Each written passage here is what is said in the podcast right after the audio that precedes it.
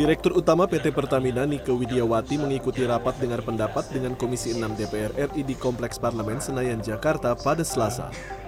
Dalam rapat yang membahas kebakaran depo Pertamina Pelumpang ini, Nike menyebut jumlah terkini korban meninggal dunia akibat kebakaran di depo Pertamina Pelumpang sebanyak 23 orang. Sementara 23 orang masih menjalani rawat inap di rumah sakit dan 25 orang pasien lainnya telah diperbolehkan untuk menjalani rawat jalan. Nike menegaskan Pertamina menjamin semua biaya pengobatan korban.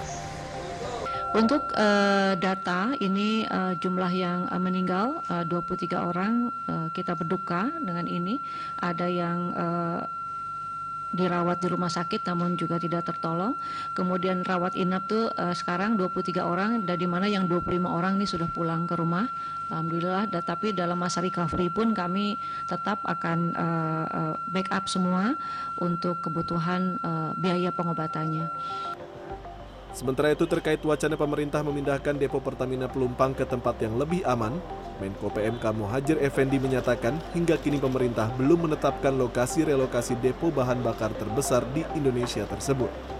Lokasi baru depo nantinya akan memiliki buffer zone alami, sehingga tidak terpengaruh oleh perkembangan demografi. Namun demikian, kawasan depo Pelumpang juga akan dibuatkan buffer zone seluas 50 meter. Selain itu, status penghuni warga sekitar depo Pelumpang juga tidak serta-merta menjadi legal.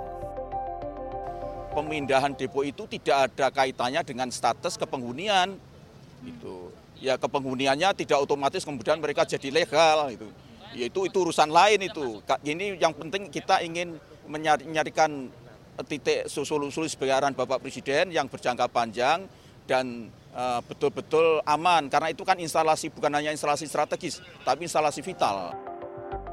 Sejak Jumat 10 Maret lalu secara bertahap PT Pertamina menyalurkan dana bantuan sewa kontrakan kepada seluruh korban terdampak kebakaran depo Pertamina Pelumpang Jakarta Utara. Kendati sudah mendapatkan uang senilai 5,6 juta rupiah yang diharapkan mampu untuk tinggal di rumah huni sementara selama tiga bulan ke depan. Tak sedikit korban masih berharap agar Pertamina maupun pemerintah dapat memberikan kejelasan terkait bantuan berupa tempat tinggal tetap yang baru. Mereka menyebut enggan dan kurang nyaman jika harus terus-menerus tinggal di kontrakan dalam kondisi yang terbatas dan serba seadanya. Saya nunggu nunggu kepastian ya kan begitu.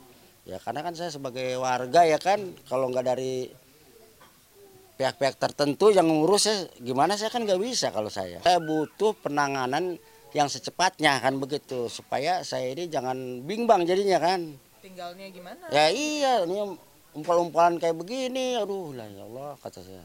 Saya kan emang yang punya kontrakan di situ, jadi kan penghasilan saya bukannya berkurang lagi, emang kagak ada. Orang saya kan hasil saya kan cuma dari kontrakan doang, makanya saya pengen buru-buru gitu. Gimana nih penjelasannya dari pihak sanahnya kalau bisa mah ditambahin gitu buat yang kontrak-kontrak gitu kan. Namanya satu juga yang pada punya anak kan juga kan harus butuh biaya juga. Bantuannya cuma hanya tiga bulan doang. Lah ke depannya?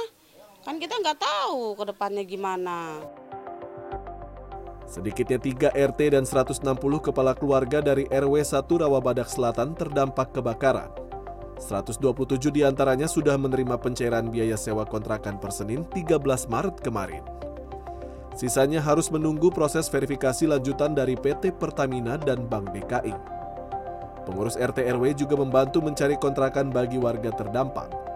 Sementara warga yang memilih mencari hunian secara mandiri diimbau untuk tetap melapor pada RT RW agar tetap terdata persebarannya. Tim Liputan CNN Indonesia